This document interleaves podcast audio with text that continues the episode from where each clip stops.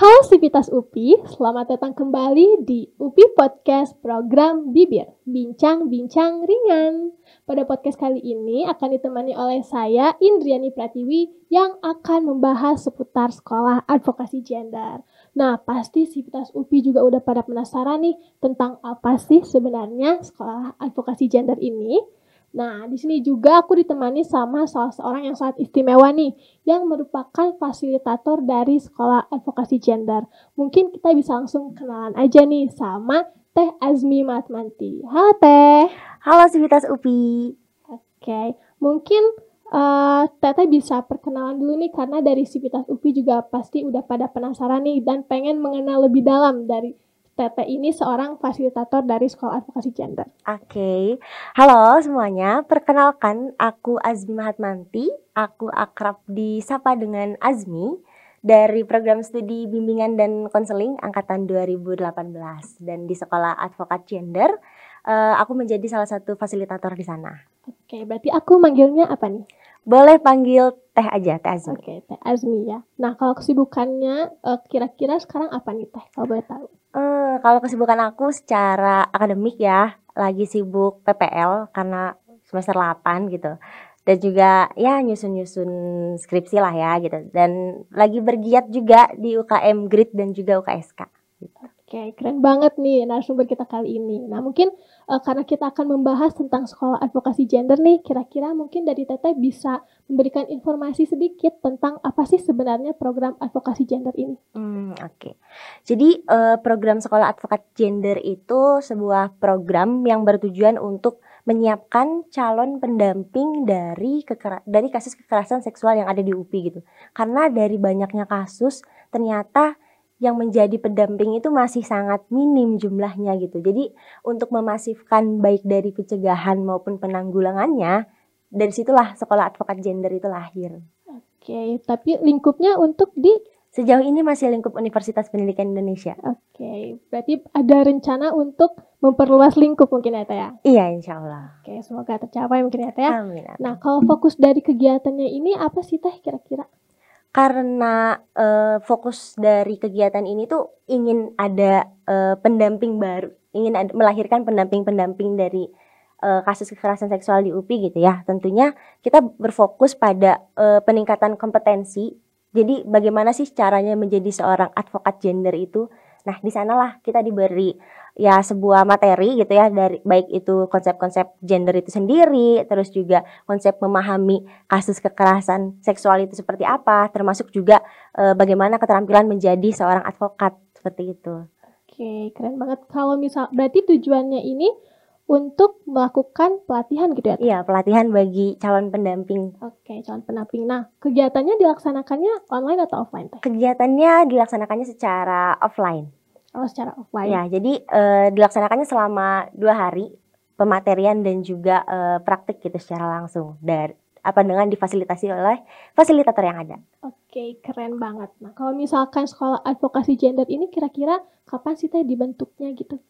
Uh, dibentuknya ini menjadi salah satu program dari GRID itu sendiri ya, program di tahun ini yang sebetulnya uh, itu dijadi cita-cita dari grid udah lama, tapi kebetulan waktunya baru sempat dilaksanakan itu batch 1 di bulan Februari di tanggal 22 Februari. Dan yang sekarang nih mau dilaksanakan di batch 2 di tanggal 26 sampai 27 Maret. Oke, berarti pelaksananya ini bakal ada setiap tahun atau gimana nih Teh mungkin? Pelaksananya kita inginnya sih ada setiap bulan Oh, setiap bulan. Nah, setiap bulan jadi setiap satu bulan sekali tuh ada batch-nya gitu. Ada batch satu, batch dua dan juga seterusnya gitu. Pengennya ya nggak cuma di UPI Bumsil tapi juga bisa ke UPI Kamda hmm. karena kan kita tahu bahwa kampus UPI nggak cuma di sini ya nggak ya, cuma di Bandung betul. gitu. Ya, Oke. Okay. Nah kalau dari batch satu kemarin nih ada berapa banyak partisipan teh yang ikut sekolah advokasi gender? Hmm. Kalau secara antusias pendaftar ya e, bisa dikatakan banyak banget antusiasnya, tapi karena sekolah advokat gender ini juga kita ingin betul-betul memastikan kompetensi dari calon pendamping ini jadi pun kita dibatasi gitu secara jumlah uh, yang mengikutinya gitu ya jadi di sana pun dibatasinya dengan uh, mereka harus lolos beberapa persyaratan baik dari seleksi administrasi maupun juga dari seleksi wawancara kayak gitu. Jadi setiap batch itu memang dibatasi uh, jumlah pesertanya hanya sekitar 15 sampai 20 itu juga paling maksimal. Karena pengennya up informasi dan pengetahuan yang disampaikan kepada calon pendamping ini benar-benar nyampe gitu. Takutnya ketika disampaikan dengan kelas besar itu jadi kurang dapat aja gitu kan jadi kurang kondusif lah ya, kelasnya. Betul, betul. Ditambah mungkin karena ini kan pelaksanaannya offline kali ya, ya. betul. Jadi mungkin diharapkan bisa uh, lebih ngena kali ya Teh pelatihannya gitu ya. Nah mungkin nih kalau misalkan kemarin kan Teteh baru dari sekolah advokasi gender sendiri baru melaksanakan yang batch 1 nih. Nah kalau Teteh waktu itu kayak promosi ke Sivitas UPI-nya tuh gimana sih Teh ke mahasiswa UPI gitu? Oke okay, oke. Okay.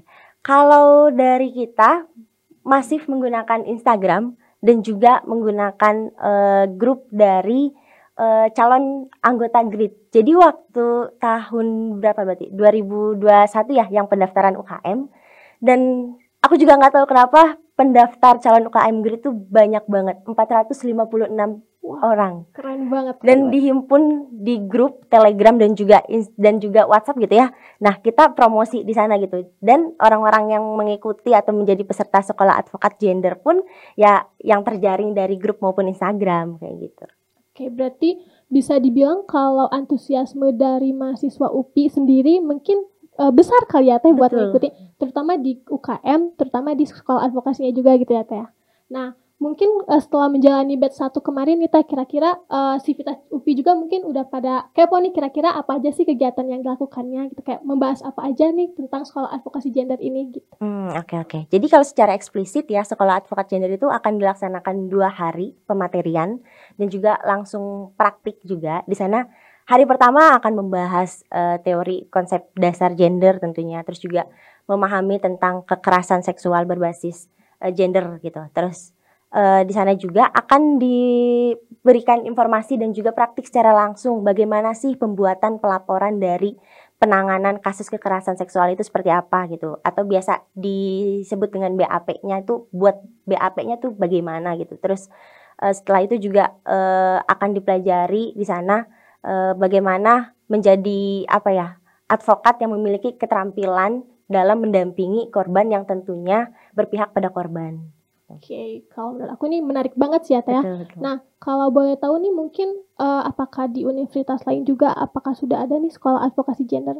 Aduh, uh, aku kalau mau bilang belum ada takut disalahin ya, ya sama ya. yang lain. Tapi sejauh ini berdasarkan riset dari teman-teman kami gitu ya, belum ada dan masih sangat jarang.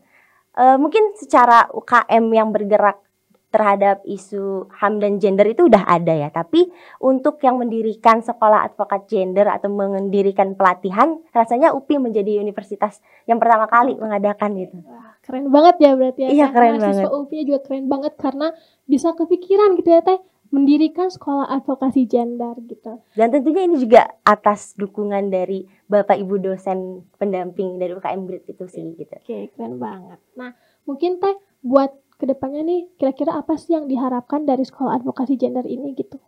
Harapannya yang pertama jelas eh, kami ingin mm, dari mahasiswa UPI ini kan banyak ya dari berbagai fakultas. Kalau diturunin lagi dari berbagai jurusan, inginnya tuh dari tiap-tiap jurusannya tuh ada gitu.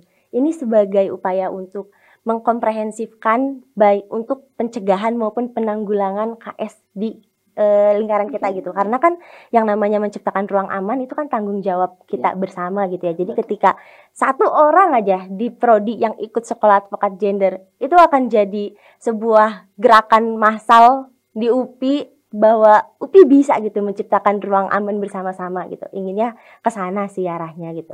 Dan selain itu juga e, inginnya ya setelah mengikuti sekolah advokat gender ini para calon pendamping juga e, bisa dikatakan sudah langsung siap siap untuk bisa e, mengimplementasikan ilmunya gitu menjadi pendamping dari kasus-kasus di UPI. Gitu. Oke, keren banget. Nah, kalau setelah pelaksanaan batch satu kemarin nih Teh, kira-kira tujuan e, dari apa sekolah advokasi gender ini apakah sudah tersampaikan atau belum gitu Teh? Kalau yang kami rasakan uh, bisa dibilang sudah tersampaikan pun juga yang mengurus uh, untuk sekolah advokat gender yang batch kedua ini pun rekan-rekan yang mengikuti sekolah advokat gender batch pertama gitu. Jadi selain mereka dibekali secara ilmu untuk menjadi advokat, mereka juga uh, kita bekali menjadi penggerak untuk memperluas uh, jaringan ini gitu, untuk menggerakkan orang-orang juga biar aware terhadap isu ini kayak gitu. Oke, nah mungkin dari tadi kita udah ngebahas tentang sekolah advokasi gendernya sekali ya. Nah mungkin uh, dari Sivitas UPI juga atau mungkin uh, dari teman-teman yang lain nih uh, pada kepo kantes sebenarnya mungkin udah marak nih kejadian permasalahan tentang kasus kekerasan seksual dan gender. Nah, hmm. kalau misalkan hal yang paling umum di apa ya ditemukan nih sekarang tentang uh, kasus kekerasan pelecehan seksual dan gender ini kira-kira apa sih teh di masyarakat gitu? Hmm, hmm, hmm. Jadi kalau ngomongin KBGS gitu ya, kasus kekerasan seksual berbasis iya gender gitu ya. Uh, yang paling umum di masyarakat itu yang paling sering kita temui dan mungkin jarang kita sadari adalah stereotip gender. Bahwa uh, kontribusi seseorang itu berdas apa harus dibatasi dengan gender yang melekat di masyarakat gitu. Karena gender itu kan konstruk sosial yang ada di masyarakat gitu. Bahkan juga eh, bahwa hak seseorang itu harus terpeta-petakan dengan bahwa dia laki-laki harusnya seperti ini dia perempuan harusnya seperti ini. Dan itu membatasi hak seseorang juga menjadi bagian dari KS itu sendiri ya gitu. Dan yang paling marak juga eh, kekerasan berbasis eh, kekerasan gender dan seksual ini juga karena eh, banyaknya itu di kasus pelecehan seksual yang mana ini terjadi karena relasi kuasa. Ah. Karena sering banget nih latar belakang dari KS itu sendiri kan relasi kuasa baik itu di organisasi, di lingkungan masyarakat gitu. Di lingkungan organisasi yang nggak sering kita sadari dan mungkin dekat gitu ya dengan kita gitu. Tapi itu juga ternyata eh, sering kita alami gitu. Bahkan ketika ada pemimpin dari perempuan itu pasti langsung didiskriminasi, dapat uh, cemoohan dan sebagainya gitu. Kayak gitu sih yang paling sering terjadi. Ya mungkin hal-hal ringan karena kasus kekerasan seksual itu kan nggak cuma kayak perkosaan dan hal-hal yang kita tahu gitu ya, yang secara fisik dan sebagainya gitu. Tapi hal-hal yang sebetulnya akrab di lingkungan kita tapi juga kita nggak sadari itu gitu. Itu pun aku uh, tahu ketika aku mencoba bergabung di UKM Grid ini gitu ya. Dan baru paham ternyata oh KS itu ya bisa terjadi di mana saja pada siapa saja dan kapan saja gitu. Dan itu sangat dekat dengan kita. Kita adalah calon korban dari kasus kekerasan seksual itu sendiri. sangat mengerikan ya, iya, ya. karena kita juga nggak bisa apa ya menerka gitu. Bahkan tadi juga kan teteh sebutin kalau relasi kuasa itu faktor yang sangat dekat sama kita mm -hmm. dan itu tuh bisa menjadi uh, penyebab dari kekerasan seksual itu sendiri ya teh. Nah mungkin kalau misalkan dari sekolah advokasi gendernya ini sendiri, kira-kira uh, gimana sih peran untuk uh, menanggulangi atau mungkin membantu si korban pelecehan seksual ini gitu teh dari adanya sekolah advokasi gender ini? Hmm, kalau dari sekolah advokat gender itu berperan untuk membantu uh, korban dari KS itu sendiri ya, lebih kepada uh, karena korban KS yang di lingkungan universitas kadang masih enggan untuk bercerita walaupun sudah ada uh, lembaga di UPI yang memang secara kompeten itu sudah terpercaya gitu ya dan menjaga kerahasiaan dari korban itu sendiri. Tapi mahasiswa itu masih enggan untuk itu. Sekolah advokat gender ini hadir sebagai peer counselingnya gitu sebagai pendamping tapi yang masih sebaya gitu. Karena mungkin korban yang khususnya dari mahasiswa juga akan lebih nyaman ketika bercerita dengan teman sebayanya, ketika bercerita dengan uh, orang yang umurnya nggak jauh beda gitu. Makanya teman-teman dari advokat gender inilah yang nantinya akan terjun mendampingi para korban itu sendiri. Oke, nah mungkin uh, kalau dari korban kan tadi bisa dibilang apa ya mereka punya ketakutan sendiri mm -hmm. gitu ya. Nah mungkin kalau misalkan dari sekolah advokasi gender ini sendiri nih, Nah, kita banyak kan dari sebagian masyarakat itu yang apa ya, kayak nggak tahu gitu kalau misalkan ada tentang kekerasan seksual dan uh, apa ya istilahnya kayak penanggulangannya gitu ya. Mm-hmm. Nah, gimana sih kalau cara dari sekolah advokasi gender ini untuk memberikan pemahaman kepada masyarakat gitu. Kalau oh, misalkan tentang uh, adanya kekerasan seksual gitu. Mm-hmm. Sejauh ini sih uh, hal yang kita lakukan itu masih memasifkan informasi melalui media gitu ya melalui media yang kita punya baik itu Instagram maupun YouTube gitu untuk uh, memberitahukan kepada masyarakat tentang informasi ya bentuknya edukasi mengenai kekerasan seksual itu sendiri pun juga selalu ditanamkan bahwa dalam mencegah maupun menanggulangi dari kekerasan seksual itu sendiri adalah kita sebagai individu gitu ya kita juga bisa melakukan itu dari lingkup terkecil kita. Apakah kita yang sudah belajar di sekolah advokat gender ini mau sharing ke lingkungan keluarga kita? Nah, itu yang kita terapkan juga ketika kita udah belajar di sekolah advokat gender. Harapannya nggak cuma media sosialnya aja yang berisik, tapi teman-teman juga bisa berisik di lingkungannya, bisa mengeduket di lingkungannya, baik itu di lingkungan program studinya, di lingkungan keluarganya gitu, tentang gimana sih KS itu bagaimana menanggulanginya gitu, bagaimana pencegahannya gitu. Dan menurutku itu akan lebih uh, impactful gitu ya ketika kita nih selaku anak yang turut memberikan informasi itu ke keluarga gitu. Kita selaku ya sebagai teman di prodinya juga yang turut menginformasikan hal itu itu akan lebih impactful sih. Jadi selain menjadi pendamping, dia juga bisa gitu menjadi penggerak untuk menciptakan ruang aman di lingkungannya gitu. Oke, mungkin dimulai dari uh, lingkungan terdekat kita sendiri. Mm -hmm. ya. Jadi sebagai individu juga kita punya peran loh gitu ya. dalam menanggulangi kasus KS. Meskipun kita mungkin belum kenal dan sekarang kita kan udah tahu nih tentang hmm. uh, kekerasan seksual sama adanya sekolah advokasi gender. Nah mungkin uh, setelah ini juga teman-teman dari Sivitas UPI juga bisa lebih aware nih untuk bisa apa ya membagikan ke lingkungan terdekat dulu gitu hmm. tentang bagaimana kekerasan seksual ini gitu. Nah kalau dari uh, sekolah advokasi gender ini sendiri ada nggak sih teh kayak tips yang dibagikan gitu untuk uh, Sivitas UPI ataupun halayak yang lain tentang gimana ya kalau misalkan kita mengalami kekerasan seksual gitu. Hmm, hmm. tips iya ya. Kita selalu mengkampanyekan ini juga ya ketika dari teman-teman Grid UPI diundang menjadi pemantik diskusi tentang KS pun juga selalu diinformasikan di Instagram Grid UPI bahwa ada hotline yang bisa dihubungi di sana gitu. Ada kontak personnya. Di sana pun uh, ada prosedur yang kita sosialisasikan gitu. Jadi sebetulnya cukup mudah dan sangat mudah gitu untuk melaporkan kalau kita menjadi korban KS cukup hubungi nomor tersebut dan teman-teman bisa menceritakannya di sana gitu dengan uh, cerita yang sebenar-benarnya gitu karena kerahasiaannya juga dijamin kayak gitu. Oke, ada berarti dari Grid UPI sendiri atau sekolah advokasi gender ini punya hotline ya, iya, punya betul. hotline. Jadi Sivitas UPI kalau misalkan mengalami atau dari kerabat terdekat gitu ya mengalami bisa aja langsung uh, ke Grid UPI aja mm -hmm. gitu ya. Nah, kalau harapan nih dari Teh Azmi sendiri gitu setelah melihat banyaknya permasalahan kekerasan gender seksual, nah kira-kira apa sih harapan buat ke depannya gitu? Harapannya uh, aku sih lebih ingin gini sih ruang aman di sekitar kita itu benar-benar tercipta. Karena rasanya kalau di lingkungan akademik aja ya ketika kita ngerasa nggak nyaman ketika kita selalu dihantui oleh rasa takut dari kasus kekerasan seksual takut dari dosen ataupun rekan yang melakukan pelecehan gitu ya. Jadi jangankan belajar dengan nyaman. Jangankan informasinya masuk. Jangankan kita paham apa yang disampaikan dengan dosen apa yang disampaikan oleh dosen gitu ya. Kalau kita selalu dihantui rasa takut gitu.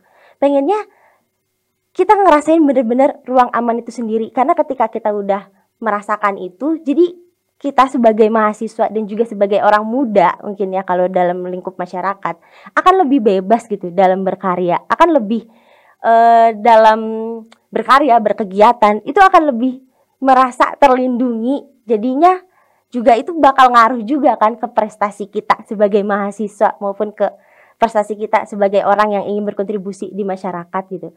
Takutnya belum juga mau mulai tapi ternyata udah dapat diskriminasi gender lah dan sebagainya gitu.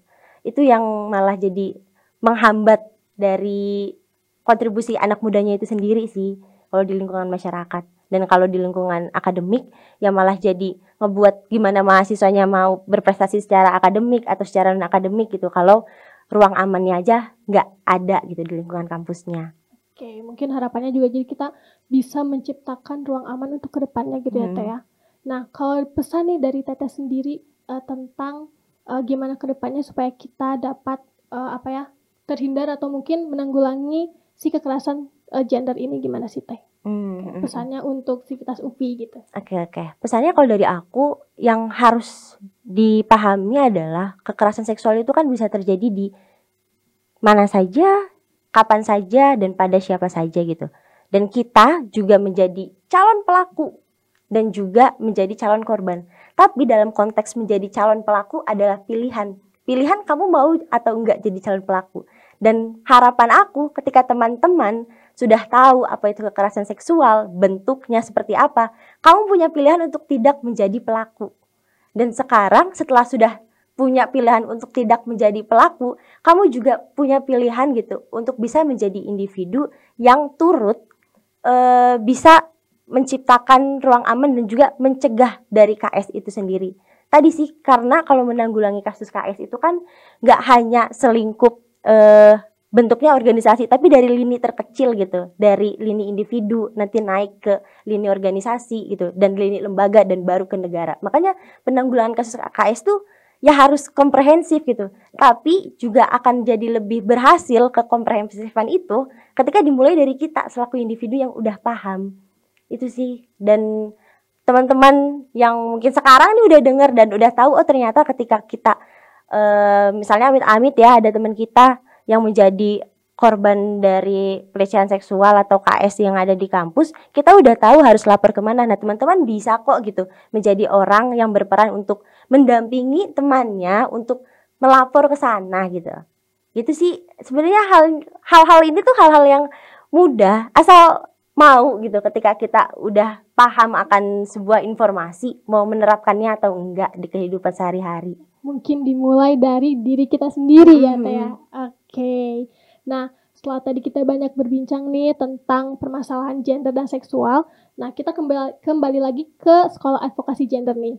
Nah, buat teman-teman atau dari Sivitas UPI yang pengen tahu nih kegiatannya gitu, ada nggak sih kayak apa ya media yang bisa kita tuju buat ngelihat uh, apa ya aktivitas dari sekolah advokasi gender itu sendiri? Gitu? Oke oke, teman-teman kalau mau tahu tentang informasi uh, sekolah advokat gender bisa cek Instagram Grid UPI dan juga bisa cek Instagram UPI lawan KS karena program ini juga program kolaborasi antara Grid UPI dengan UPI lawan KS gitu. Kalau UPI lawan KS itu uh, lembaga dari pihak universitasnya. Sedangkan Grid UPI ini kan UKM yang di lingkup mahasiswanya gitu. Jadi antara mahasiswa dan universitas tuh udah saling bekerja sama nih untuk bareng-bareng menciptakan ruang aman lah gitu untuk mengupayakan lewat sekolah advokat gender ini. Jadi di sana teman-teman bisa tahu informasinya gimana cara ikutnya dan syaratnya itu apa aja udah sangat jelas tertera di sana. Dan juga ada uh, testimoni dari teman-teman yang alumni sekolah advokat gender batch 1 Oke, nah bisa dicatat ya Sivitas UPI buat yang uh, kep, pengen kepoin lebih lanjut nih tentang sekolah advokasi gender gitu ya. Nah mungkin teh uh, berbicara tentang tadi yang batch satu itu ya. Hmm. Nah kira-kira setelah pelaksanaannya ini ada nggak sih teh hambatannya gitu? Hambatannya sejauh ini lebih ke ini ya karena kita offline dan pengennya juga para peserta itu hadir offline kebanyakan yang daftar ya mungkin karena kemarin kan masih pandemi juga kan. Terus kebanyakan yang daftar itu uh, agak terkendala ketika harus datang offline gitu. Dan juga harus datang full seharian. Karena materinya tuh gak gak sedikit ya gitu. Jadi harus selama dua hari itu emang harus full gitu dipraktikan dan juga dipelajari. Dan itu kesediaan waktunya sih yang menjadi sedikit hambatan dari pelaksanaan ini karena mungkin menyesuaikan juga ya teh di masa pandemi mm -hmm. kali ya teh ya. Jadi uh, mungkin hambatannya ya lebih ke teknis kali ya, ya teh ya. Oke, okay, tapi selebihnya mungkin dari penyampaian pelatihannya udah aman ya teh. Aman aman. Oke. Okay. Nah, kalau buat batch selanjutnya nih kan ada di Maret ya teh ya? Iya, ada di 26 dan 27 Maret. Nah, berarti bentar lagi ya teh. Ya? Bentar nah, lagi. Mungkin apa ada nggak sih persiapan yang udah teteh siapkan gitu buat batch selanjutnya? Kalau sejauh ini persiapannya uh, kemarin sudah dilakukan wawancara ya gitu. Dan pertemuan pertama untuk e, menghadapi sekolah advokat gender di 2627 dan secara materi dan persiapannya sebetulnya nggak jauh beda karena kita udah melaksanakan di batch 1 jadi sekarang tuh lebih ke tinggal pelaksanaannya aja gitu. Jadi kita tinggal menunggu di tanggal 26 dan 27 untuk melaksanakan batch 2 ini. Oke nah kalau misalkan dari Sivitas UPI juga ada yang berminat, kira-kira uh, ada nggak sih kayak persyaratannya gitu yang mungkin Teteh bisa jelasin di sini atau enggak hmm. mungkin bisa nanti diarahkan kan ke Instagramnya hmm. UKM Grid kali ya, hmm. hmm, hmm. atau enggak mungkin diceritain sedikit nih tentang persyaratannya atau cara masuk gitu kali Oke oke oke. Eh, kalau karena sekarang mah udah telat ya yang untuk ikut batch 2 gitu. Jadi masih bisa untuk ikut batch 3 karena setiap bulannya akan selalu uh, kita buka gitu ya si sekolah advokat gender ini persyaratannya minimal mahasiswa UPI tingkat 2. Nah, jadi sekarang yang udah tingkat 2, nanti di batch selanjutnya itu bisa ikutan ini gitu. Dan salah satu syaratnya dan yang paling penting dia tuh bebas dari kasus kekerasan seksual. Yang jelas kita nggak ingin dong ada pelaku di dalamnya gitu kan. Jadi kita juga di sana makanya melakukan screening yang begitu komprehensif terhadap uh, peserta yang menjadi calon pendamping ini gitu. Nanti juga uh, di sana dilakukan screening CV, screening organisasi dan sebagainya gitu.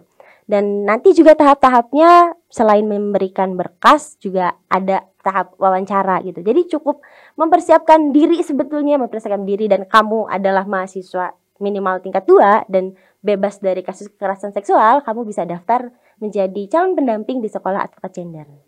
Oke, yang penting juga mungkin niat ya Teh ya. Niat karena, dan komitmen. Iya betul sekali. Karena mungkin uh, untuk menjadi pendamping ini nggak mudah ya Teh. Ya. Betul. Karena mungkin semua orang juga ada yang berpikir karena mungkin ada yang takut atau enggak ada yang merasa kayak ah aku nggak bisa nih kayak gitu mungkin ya teh jadi mungkin lebih dipersiapkan diri nih buat sivitas UPI gitu ya dan oh ya yang paling penting juga uh, para calon pendaftar ini tidak memiliki trauma gitu karena hmm dalam nanti di sekolah advokat gender juga kan kita simulasi menangani kasus gitu. Bahkan juga disajikan kasus yang memang uh, terjadi gitu. Takutnya ketika calon pendamping ini memiliki trauma malah menjadi triggering tersendiri gitu dalam pelaksanaannya.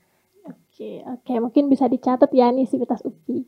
Nah, gak kerasa nih Teh, kita udah ada di penghujung diskusi nih Teh. Nah, mungkin untuk Sivitas UPI juga setelah kita banyak berbincang dengan Teh Azmi, uh, dari sekolah advokasi gender mungkin kita juga bisa apa ya, mengambil beberapa insight dan hmm. informasi kali ya terutama uh, tentang kekerasan berbasis gender dan seksual. Yeah. Jadi kita juga bisa lebih aware atau bahkan kita juga bisa lebih memotivasi lingkungan kita sendiri baik dari keluarga, teman ataupun uh, lingkungan yang lainnya gitu ya supaya kita juga lebih apa ya memiliki kesadaran atau enggak uh, ikut berpartisipasi mungkin ya Teh ya ikut menjadi pendamping di sekolah advokasi gender gitu. Terima kasih untuk Teh Azmi sudah meluangkan waktunya dan udah bersedia sharing ke Sivitas UPI kali ini. Semoga Teteh juga sehat selalu dan dilancarkan kegiatannya. Baik, terima kasih. Terima kasih juga Teh. Oke, okay, nah untuk Sivitas UPI nih Uh, terima kasih su yang sudah menonton podcast Bibir ini dari awal hingga akhir. Jangan lupa untuk dengarkan episode selanjutnya karena di setiap episode Bibir akan membahas uh, yang sangat menarik di tiap pembahasannya. Oke. Okay. Nah, sekian dari saya. Injani Pratiwi pamit undur diri. See you on the next episode. Dadah.